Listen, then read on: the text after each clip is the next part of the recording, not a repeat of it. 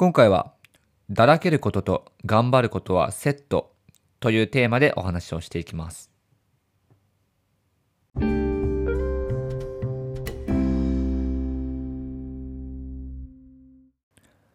皆さんこんばんは。ヒロトのふらっと独り言、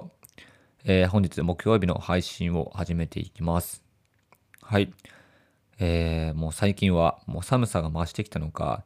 もうそろそろ、まあ、部屋の中でも加湿器をつけないと、もう喉がイガイガするみたいなね、まあそんな時期になってきました。うん、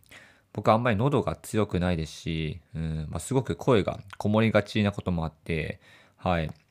まあちょっとでもね、喉が痛いともう何言ってるかわかんない。もう声もちっちゃいのでね、はい、そんな、えー、感じですので、まあこの季節のもう乾燥っていうのは、もうだいぶまあしんどいですね。うん。まあ、今働いてるオフィスなんかは、まあ、加湿器がバンバンに、まあ、ついてるんですけども、はい、今住んでる実家の、実家、えー、社宅の方は、ちょっとね、えー、そろそろ加湿器を出さないといけないなって思った、えー、そんな今日この頃です。はい。えー、そんな感じで、え、今日はですね、まあ、だらけることは頑張ることとセットというテーマでお話をしていこうと思うんですけども、まあこれはもう昨日に結構ね、あの、通ずるものがあって、まあつい昨日の配信で、まあ頑張らないということで、あの、お話をさせてもらったんですけども、うん。まあ要するに、なんかもう何もやる気が出ないときは、もう何もしなくていいんじゃないのっていうね、そういう、まあ本当にもう至極シンプルな、えー、結論で、うん、いつもよりちょっとね、短い時間で配信をしてたんですけども、はい。まあ今日はですね、ちょっと最近この、あの、まあ、だらけてた、まあ、期間を通じて、まあ、気づいたことなんかを、あの、お話ししていこうと思います。うん。まあ、別にそこまで、なんだろう、まあ、気づきっていう気づきじゃないんですけども、改めて思ったことですね。はい。えー、っと、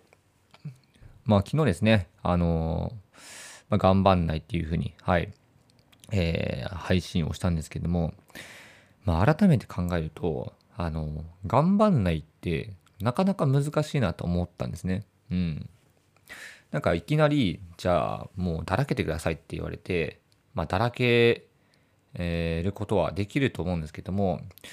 まあそのだらけ方も、なんか疲れないだらけ方ってなかなか、うん、僕自身はできなかったですね。うん。なんかもう、うん、まあすごく睡眠時間を多くしても、まあ、別に対して、まあ、疲れるが取れるわけでもないですし、もう逆になんか寝すぎてもう体が疲れて、まあ、気力も湧かないしてっていうようになんかあんまり、まあ、効果なかったなっていうのを感じるんですけども、うん、まあなのでですね、まあ、だらけることもすごく、まあ、体力も使えますしそのだらけ方っていうのもあの工夫しないとなんだろうな。まあただただ、まあ、力が抜けて終わりみたいなねそんなリラックスすることもできず、うん、ただ時間を無駄にするっていうね、そんな、あの、ことを、まあ実際経験というか、ね、体験してましたね。うん。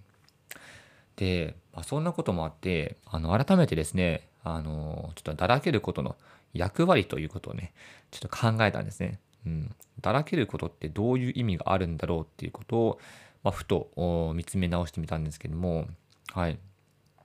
で一つ、まあ、自分の中で結論として出たのは、まあ、だらけることってあの力を入れることと、まあ、セットなんじゃないかっていうことを、えー、思いました。はい。まあすごく当たり前のことだと思うんですけどもまあそうですね、まあ、このセットができて初めて、えー、だらけることの効果が発揮するっていうことですね。うんまあ、ここで言うだらけるっていうのはリラックスするっていうふうに捉えてねいただければいいと思うんですけどもはい。まあ、つまりですね、あの、だらけることの価値っていうのは、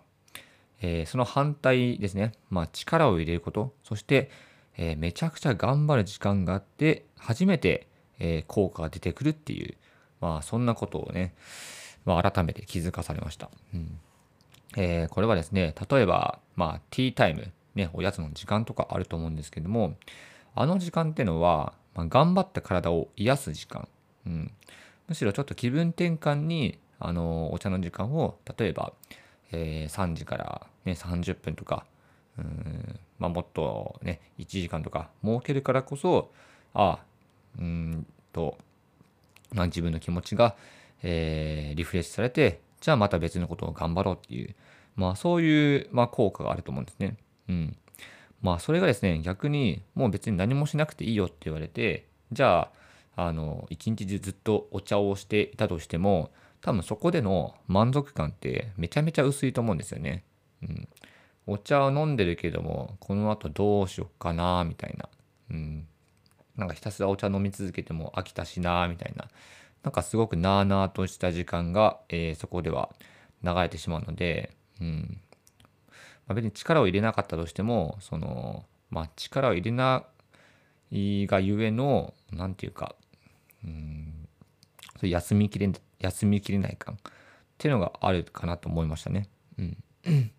まあ、あとは寝ることも同じですよね。うん、生実家1日例えば、まあ、10時間とか寝て、うん、まあね、まあ、仕事されてる方とかは、まあ、僕も含めて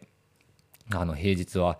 もう体がくたくたで、まあ、土日で寝だめするっていうことがね結構あると思うんですけどもでも思い返してみると寝だめをした日ってなんかむしろ体疲れてないですか？うん。どうですかね？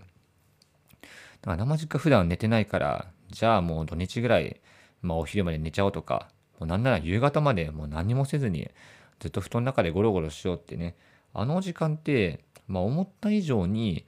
うんまあ、リフレッシュもできてないですし、まあしかもその後の時間も大して残ってないしで、あの、あんまり、なんだろうな、まあだらけることには変わりはないんですけども、うん、まあ、あんまり生産性がないのかなってね、思うので、やっぱこっからもう、んまあ、本気でだらける、うん、本気でだらけるっておかしいな、うん、ちゃんとだらけるためには、やっぱりその真逆に、えー、ちゃんと本気になれる時間が必要なんだってことが、うん、すごく僕は思いましたね。うん、あのー、ちょっとネットで調べたんですけども、まあ、ライオン、まあ、いるじゃないですか。あの百獣の王の動物ですね。あのライオンっていうのはあの、まあ、肉食の、えー、獣ですごく有名だと思うんですけども、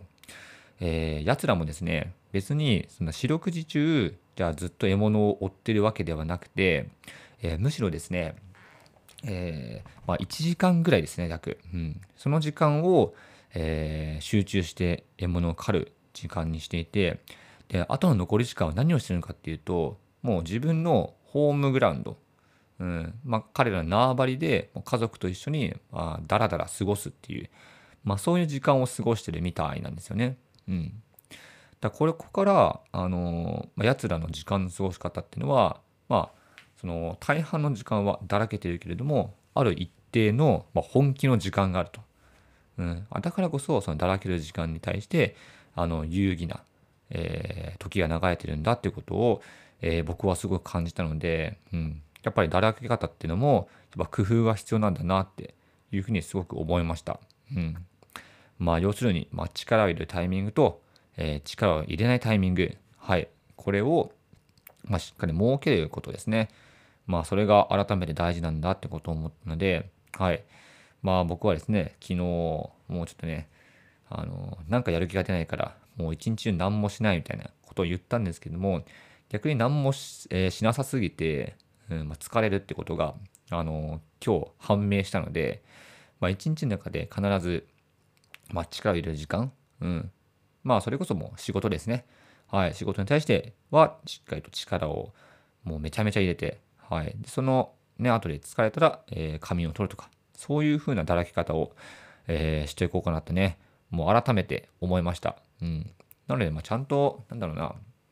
まあ、人間がエネルギーを注ぐことの重要性っていうのがね、ここでも、あの自分の中でしっくりきたので、うん、まあ、えー、今日からですね、ちょっとそんな感じでやっていこうと思います。はい。えー、まあ結構自分に言い聞かせるっていう意味でも、今日は、